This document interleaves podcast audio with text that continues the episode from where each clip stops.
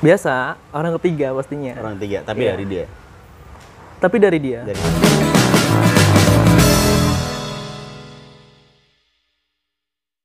Kali ini proyek terima kasih bareng temen SMA. Yang tahu aja lu, Bos. Gimana? Yuda Arif Budiman. Atau biasa dipanggil Banok. Pertanyaan gini, gue ada satu pertanyaan nih buat lu nih. Kenapa lu pang- dipanggil Banok? Padahal yang gue tahu nih dari kisah percintaan lu itu nggak ada banok-banok yang sekarang. Ya itu sih pas zaman SMP sih ya.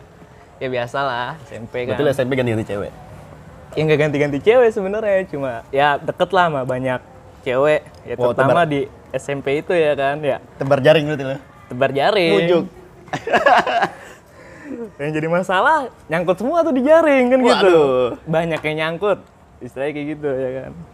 Ya udahlah istilahnya tapi nggak istilahnya nggak ganti-ganti juga lah. Cuma terlalu banyak dekat sama cewek, Dilihat orang jadi dilihat ganti-ganti orang. Ya namanya SMP kan masih identitasnya siapa nih? Ya kan main kata-kataan gitu ya. Udah ke bawah lah sampai sekarang. cewek. Tapi kenapa zaman SMP atau zaman sekolah gampang dapet cewek? Menurut lu kenapa? Menurut gua ya karena kita pada saat itu kan cuma temenan, dekat, akhirnya nyaman ya udah akhirnya kayak bercanda. Ya sebenarnya nggak ada status juga sih kalau di SMP itu. Iya sih. Cuma kayaknya buat deket sama cewek lebih gampang aja kali ya zaman SMP SMA nggak kayak lo udah kuliah atau kerja lah kerja lah. Itu buat deket sama cewek susah banget gitu. Tuh. Banyak pertimbangannya kan. Iya. Dia gini, dulu kan zaman sekolah cuman yang penting menurut kita cakep, ajak ngobrol enak, nyaman, udah. Persyaratannya dikit. Ya, betul. Kenapa sekarang jadi banyak? Ya karena di dewasa ini kan kita pasti mikir buat ke depan, Rod, istilahnya. Ya nggak cuma sekedar oh kita suka sama pribadi orangnya atau dari fisiknya, tapi kan lebih ke nyaman, nyambung gak nih sama kita, Istilah gitu kan. Iya sih. Nah, kenapa Yuda yang gue ajak interview kali ini? Karena ada satu cerita dari Yuda Arif Budiman yang sebenarnya tuh seru buat di sharing. Gue kasih judulnya nih nanti tentang 9 tahun pacaran tapi nggak jadi.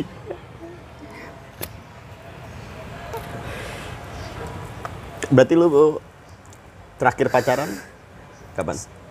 Eh setahun yang lalu, akhir 2018, Akhir 2018, sekarang masuk 2020. Udah setahun lebih berarti ya. setahun lebih. lah.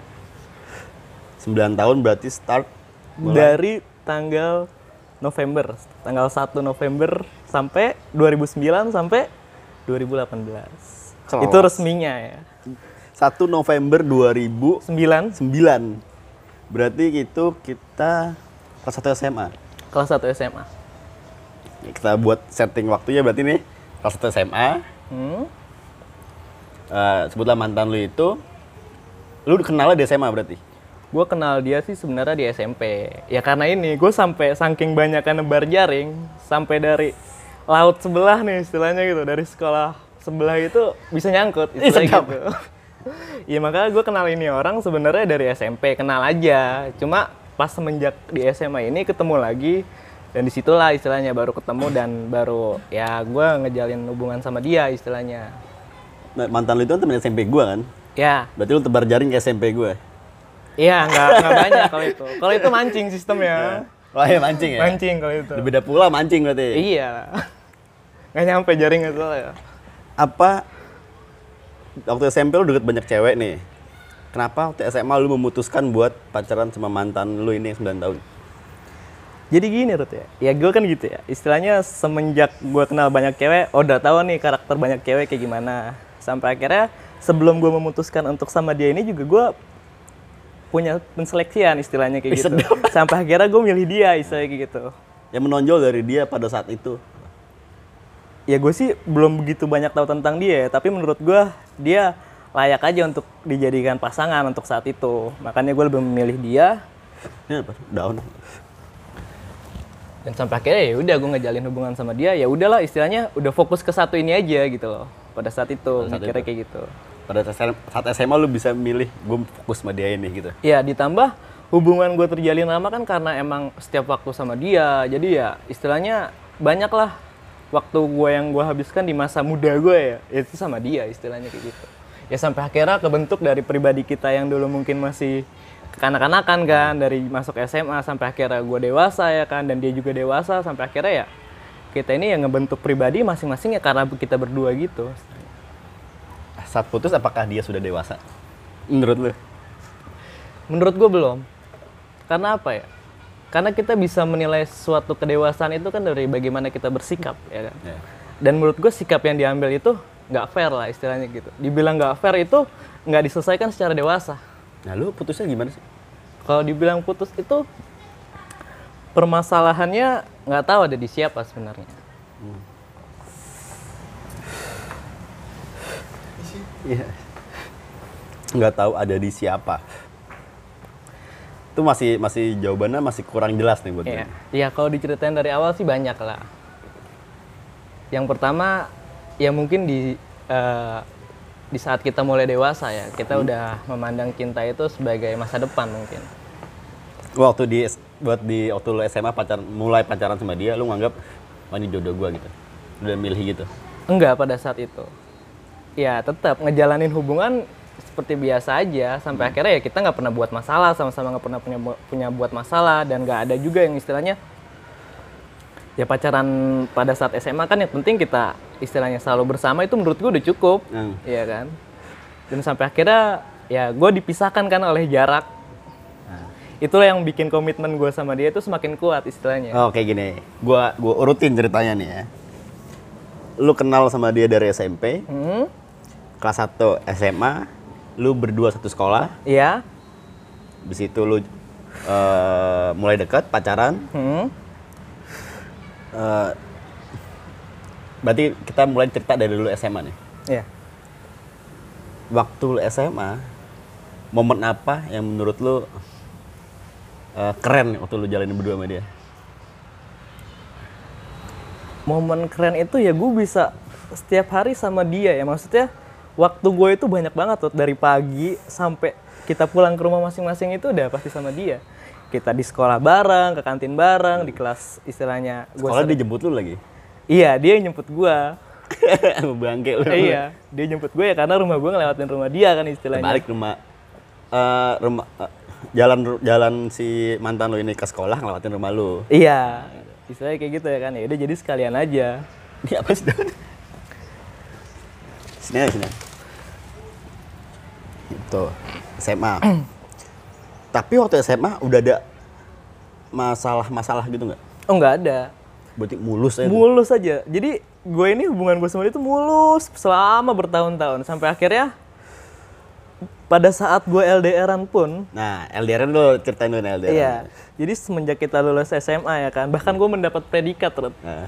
the best couple satu sekolahan ya Oh kan. iya benar, waktu satu, tahunan ya. satu SMA siapa sih yang nggak tahu gue berdua istilahnya kayak gitu ya kan jadi kalau untuk datang orang ketiga atau kita punya ketertarikan sama orang lain tuh udah enggak kayaknya udah Sulit ya. cukup udah sama-sama cukup dari segi apa pun istilahnya kayak gitu ya kan udah satu sekolah lagi ya. udah satu sekolah ya orang juga udah tahu kita siapa Hmm. gitu loh sampai guru pun tahu mungkin Iya. istilahnya kayak gitu kan dan bahkan di lingkungan keluarga tetangga-tetangga gua. Dulu SMA sering ke rumah atau Hmm. kayak gimana ya udah tahu gitu loh kalau dia siapa ya gue siapa gitu loh.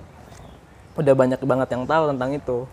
Makanya jadi kayak untuk cobaan dalam hubungan biasanya kan ada orang ketiga atau kayak gimana. Udah nggak ada kayak gitu kayak gitu ya. Paling berantem berantem kecil masalah yang nggak penting doang sih SMA Waktu SMA, lu pernah ngerasa bosan?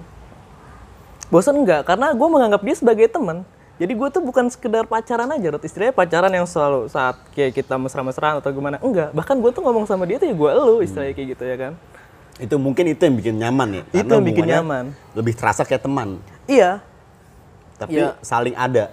saling ada ya kita saling support juga dalam segala hal ya kan Berarti masalah pertama saat LDRan, jadi waktu lulus SMA mantan lu ini uh, kuliah di kuliah di Medan, Medan ya. Berapa tahun tuh dia? tiga tahun Nah itu baru masalah pertama. itu masalah bukan masalah sih kalau itu Bukan ya. masalah ya juga, karena ya? selama ini kita udah didekatkan terus ibaratnya waktu kita selalu banyak dan sekalinya dikasih cobaan ya cobaannya ya di waktu istilahnya kayak Ah. gitu tapi nggak ada masalah sama hubungan kita bahkan dia dia sendiri pun ya merasa takut lah ibaratnya dan gue di Jakarta dengan biasanya kehidupan di Jakarta kayak gimana sedangkan dia di sana dulu asrama ya kan yang istilahnya Kebidanan ya? iya kebidanan dia di asrama yang dia nggak punya kontak dengan luar otomatis dia kontak sama gue tuh susah banget Rut. dalam satu tahun pertama itu ya kayak gue buat hubungin dia itu susah banget Nah itu rasanya gimana tuh? ya itu dia lah kayak misalnya dia butuh seorang ya menurut gue ya seorang itu gue dan menurut gue dibandingkan orang tuanya dia lebih dekat sama gue pada saat itu Lalu lu punya akses buat ngobrol. iya Maksudnya ngobrolnya itu telepon. Dia, dia handphone dikasih nggak sih waktu? enggak. Jadi kalau misalnya itu saking susahnya nih ya, pada saat itu Rut ya. Dia sampai minjem HP sama kakak tingkatnya dia untuk hubungin gue dan pada saat gue lagi nggak megang HP kayak gitu kan istilah gue nggak tahu gitu loh. Dulu kan tahu sendiri ya si zaman zaman tahun 2015 2012 itu kan ya HP belum secanggih sekarang lah istilahnya. Iya. masih bisa SMS dan dulu BB doang kan BBM ya kan. Iya dan waktu itu gue juga kerja kan dan istilahnya nggak selalu megang HP lah istilahnya. Ya sering lah ada waktu-waktu yang dia ngubungin gue Lu nya kerja nggak ada. guanya istilahnya lagi nggak ngeliat HP kayak gitu. Ya udahlah saking kayak gitu-gitu terus setiap harinya. Apa yang bikin lu kuat LDRan 3 tahun ya? Dia iya. Apa yang bikin lu kuat? Sementara teman-teman lu kan pasti pacaran jalan sama pacarnya, lu ngeliat Iya teman-teman lu kayak sih. gitu ya kan. emang pada saat itu banyak lah namanya godaan ya. Nggak mungkin lah kita sebagai seorang Nah. cowok nggak ada yang deketin atau nggak punya temen cewek lah istilahnya pada saat itu. Sedangkan gue udah tahu dia kalau di sono udah stuck maksudnya Di asrama di itu asrama aja, ya kan. Ya, sedangkan gue punya kebebasan nih di Hmm. luar sini untuk ngapain aja dan bahkan dia bisa nggak tahu ya kan. Tapi gue jaga kepercayaan itu sih ya. Maksudnya pertama ya gue udah punya komitmen yang cukup lama kan Hmm. tiga tahun di SMA itu dan saking oh kita mau serius nih istilahnya gitu. Kita udah lulus kita eh, bangun masa depan kita Berarti masing-masing saat lu lulus SMA lu udah merencanakan itu sama mantan lu? udah. Bahkan dia sendiri tuh kan kayak nggak yakin nggak yakinnya gini kamu kuat nggak? istilahnya kayak gitu ya kan. Nah sampai dia pernah janji suatu hal yang mungkin sampai sekarang masih gue inget sih. Kalau kamu mau nungguin aku sampai aku lulus eh, kuliah ini aku janji aku mau nikah kata dia gitu sama kamu kata dia kayak gitu ya kan. Ya kita sebagai seorang cewek dapat keyakinan ya kayak gitu kan udah janji kan ya udah keyakinan dari dirinya dia sendiri untuk ngomong itu ke gue kan istilahnya nggak sembarangan lah istilahnya gitu ya. Gue mikir ya oke lah gue pasti bakal perjuangin ini istilahnya kayak gitu biarpun bagaimanapun rasanya ya kan. Ya nggak gampang sih Ruth kayak ibaratnya lo dihadapkan dengan LDR yang benar-benar jauh zaman belum canggih istilahnya kita nggak bisa video call ya kan Berarti ngebuat lu kuat ngejalanin tiga tahun itu janjinya dia itu. janji Kalau lu bisa istilahnya tetap bertahan di situasi kayak gini, gue mau nikah sama lu. iya Itu. Iya.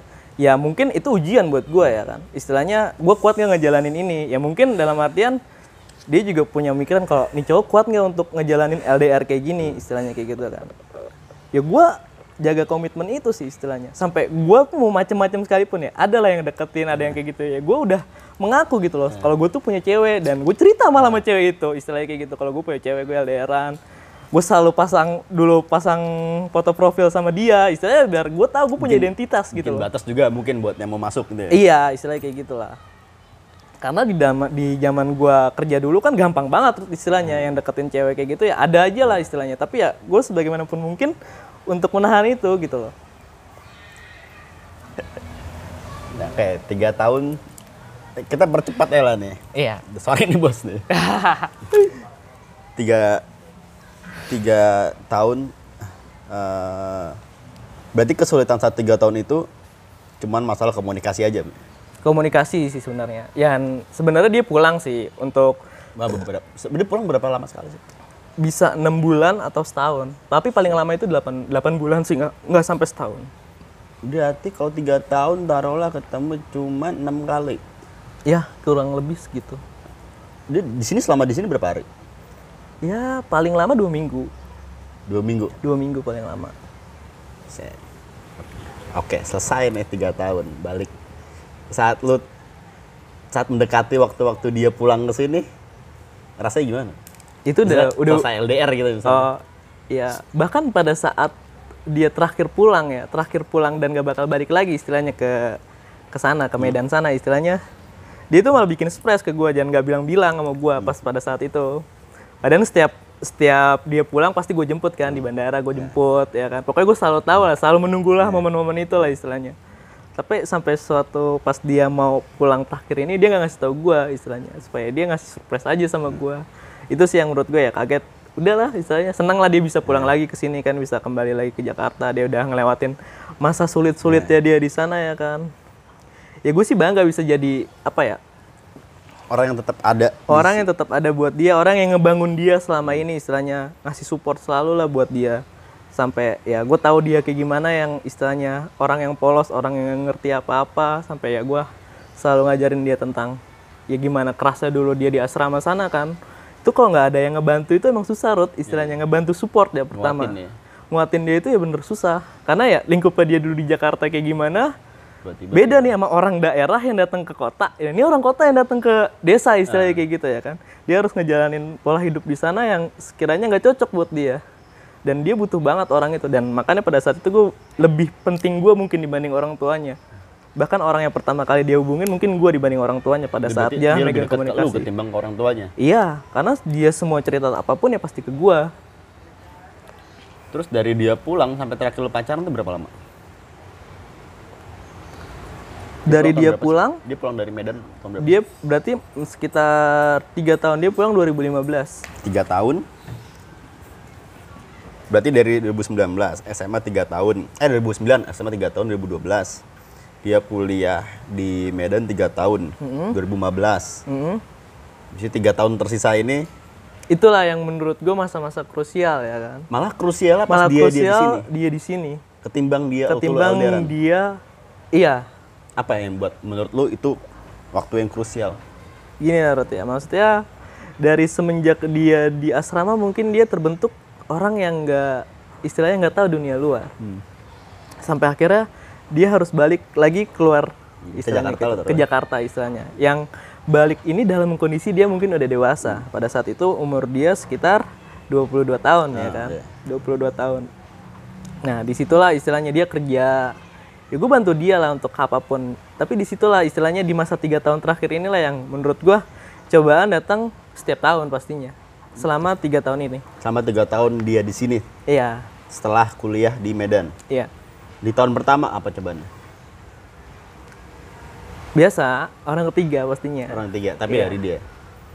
Tapi dari dia. Dari dia. Karena semenjak apa ya Rut ya? Gua nggak tahu ya semenjak gua ini sama dia, Hmm. gua tuh sama cewek lain tuh nggak punya ketertarikan. Bukan Iya. dia udah yang sempurna. Sebenarnya enggak.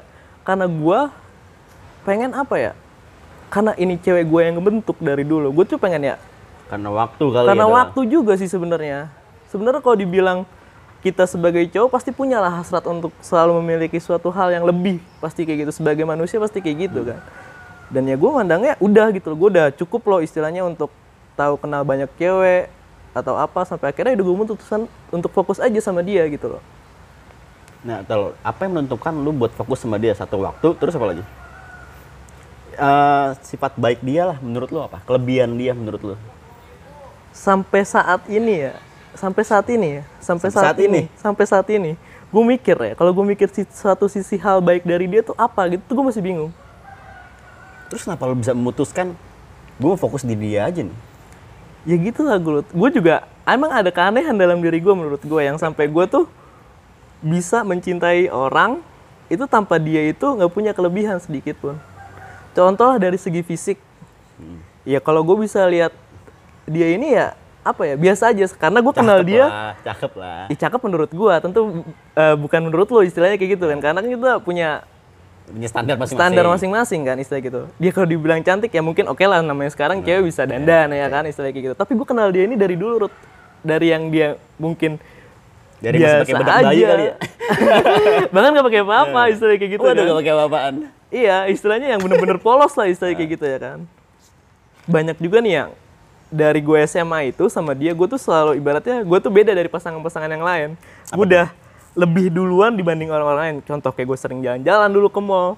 Ibaratnya dulu bagi anak SMA kan kita buat jalan ke mall, makan di mall. Apalagi- Istilahnya kan Kita sekolah di Jakarta bagian timur. Iya. Istilahnya apa ya kayak gue tuh sampai nyisihin duit buat jajan buat untuk saling kita aja buat nikmatin waktu berdua aja kayak kita makan enak lah istilahnya kayak gitu ya kan. Itu zaman SMA Rut udah mulai kayak gitu. Dan di saat kita nggak istilah kita nggak dapat duit dari mana sih istilah gitu nggak dari uang jajan kita ya kan ya saking kayak gitu Tapi ya kita duit lu banyak. ya nggak juga Dulu gue SMA pacaran malam minggu gue main futsal ya. gue pulang sekolah aja tuh pasti makan rot istilahnya Dulu kan kita SMA futsal kan tiap malam minggu nggak salah. iya Gue gak pernah jalan. dan gue tuh sebenarnya nggak pernah menentukan waktu jalan gue kayak gue punya jalan waktu jalan malam minggu enggak karena ya gue udah satu sekolah sama dia ya kan ibaratnya pulang sekolah gue bisa ke mana aja Iya soalnya gue ngerasain dulu kalau dulu gue pacar gue juga dulu tahu satu sekolah lu tahu. iya Ya. Kayak gue Senin sampai Jumat kan sama dia gitu loh. Mm. Sabtu gue main futsal. Walaupun sama temen SMA juga. iya istilahnya tapi nggak ada waktu khusus gitu untuk kita Iya, jalan ya karena kita masih free kan cuma ya, keterbentur sama sekolah aja Sekolah juga kita balik pagi dulu. Iya istilahnya Masuk juga kita sekolah ya. Pulang jam 2 ya kan masuk jam Dua, 7 Mata sepet banget aja.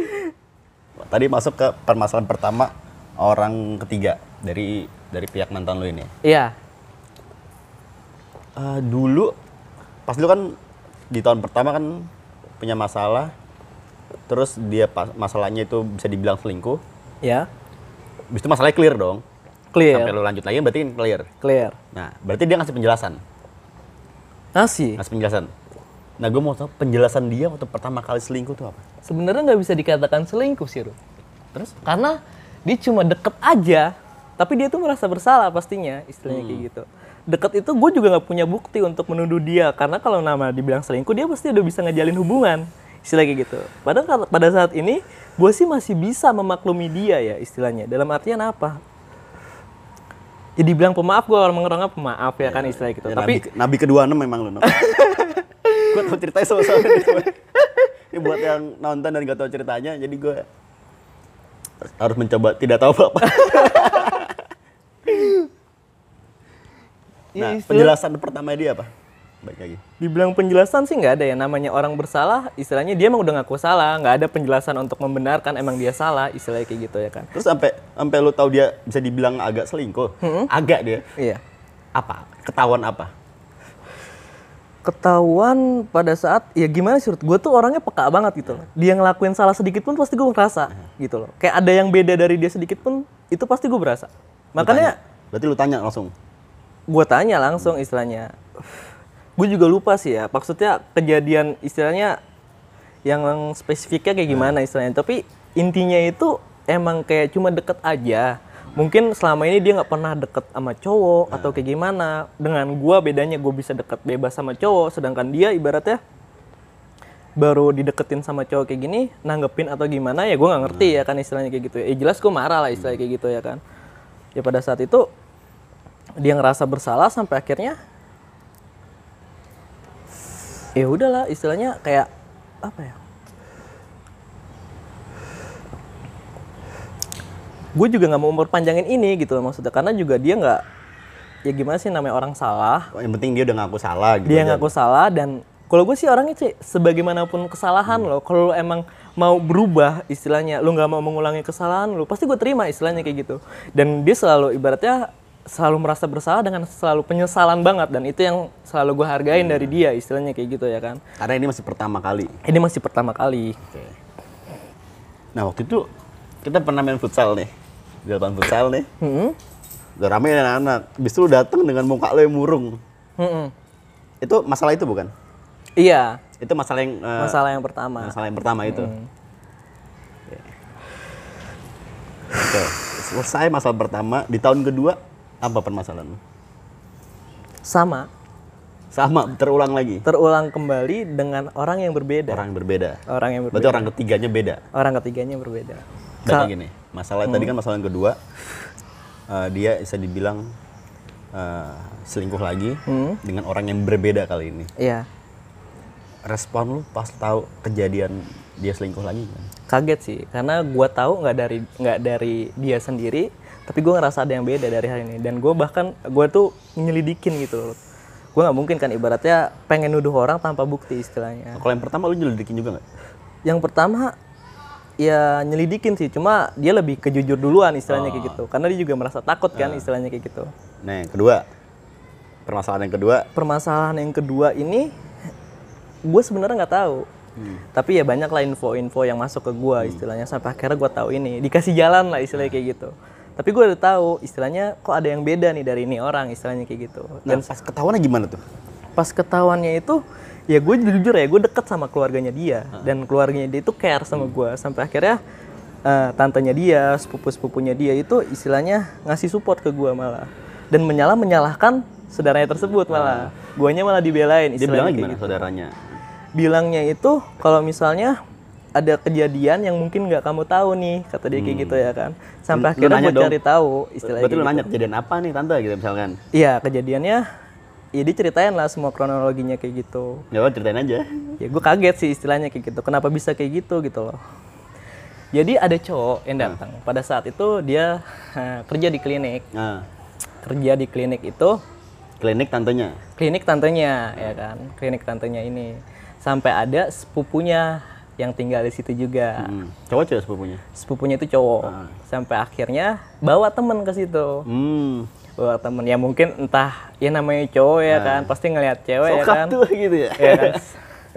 boleh juga tuh Ya, kan gitu juga ya gitu. kan iya ya pertama nggak ngerespon nggak ngerespon dan dikasih tahu juga sama sepupunya kalau ini sepupu gue udah punya cowok loh Hmm. kayak gitu gitu ya mungkin namanya cowok punya rasa penasaran Nah. ya kan digencar terus dah istilahnya kayak gitu sampai akhirnya kena atau gimana gue nggak ngerti dah istilahnya Jebol lah pertahanannya nih. pertahanannya jebol sampai akhirnya dia deket lah. Nah, di situ sepupunya pun tahu pada saat dia deket itu nggak setuju lah. Soalnya ini cowok tahu loh kayak gimana. ya kan, Berarti gitu. sepupunya mantan lu ini tahu nih kalau temennya ini bukan cowok yang bagus. Iya, Bisa dibilang gitu. gitulah. Bisa dibilang kayak gitu. Karena ya nggak mungkin namanya. Gue punya saudara nih. Gue tahu teman gue nggak bagus buat saudara gue. Istilahnya ya kenapa harus Disetujuin gitu. Iya, istilahnya kayak gitu ya kan. Ya makanya sepupunya sendiri pun ngelarang istilahnya kayak gitu. Gue tahu nih cowok kayak gimana.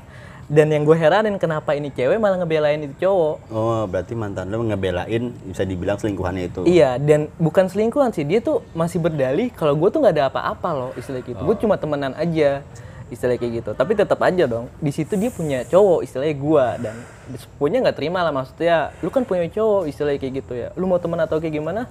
Ya lu nggak ada hak lah istilahnya kayak gitu. Apalagi sampai lu jalan istilahnya kayak gitu. Ya. Berarti udah sempet jalan. Udah sempet jalan pada saat itu. Itu yang buat gue kaget. Sampai akhirnya tantenya lebih cerita eh, lebih detail lagi ke gue. Sampai Langsung akhirnya cerita ke lu. ada situasi yang emang bikin malu dia berdua. Maksudnya maksudnya? Ya dia pernah lah. Jadi di klinik itu, Rod, udah tahu loh. Jadi di lingkungan situ udah tahu kalau misalnya gua ini sering main ke sana ya kan. Jadi lingkungan situ juga tahu kalau misalnya ini cewek udah punya cowok, yaitu gua istilahnya kayak gitu. Tapi kenapa ada suatu keanehan waktu itu ini cowok Ada cowok lain. cowok lain istilahnya main ke sini istilahnya kayak gitu dan ngobrol dong kan kalau ngobrol kan di ruang tamu gitu kelihatan kan dari luar kan pintunya kebuka kan dan di situlah istilahnya dan waktu itu udah lewat jamnya ya kan jam, Jam operasional klinik. seharusnya kan tamu udah nggak boleh dong istilah gitu sampai akhirnya ditegur lah sama sama eh, warga situ istilahnya sama iya istilahnya sampai akhirnya buat malu dia kan istilahnya dan itu kecium sama tantenya Hmm. Itu kondisi tantenya di rumah? tantenya nggak ada Oh, nggak ada. Mm-mm.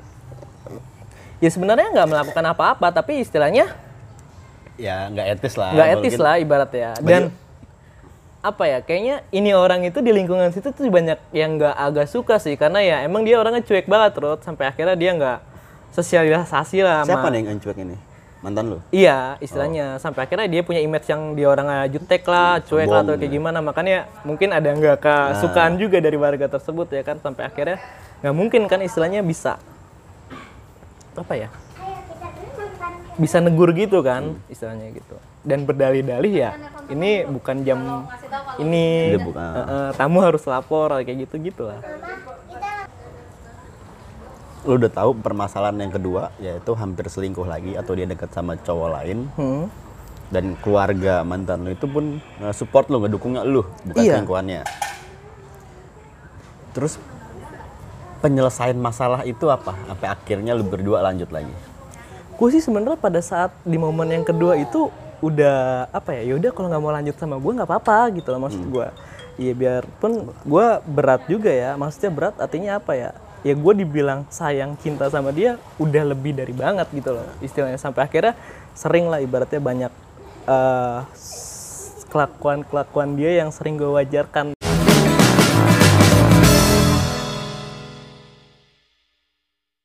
Oke gini.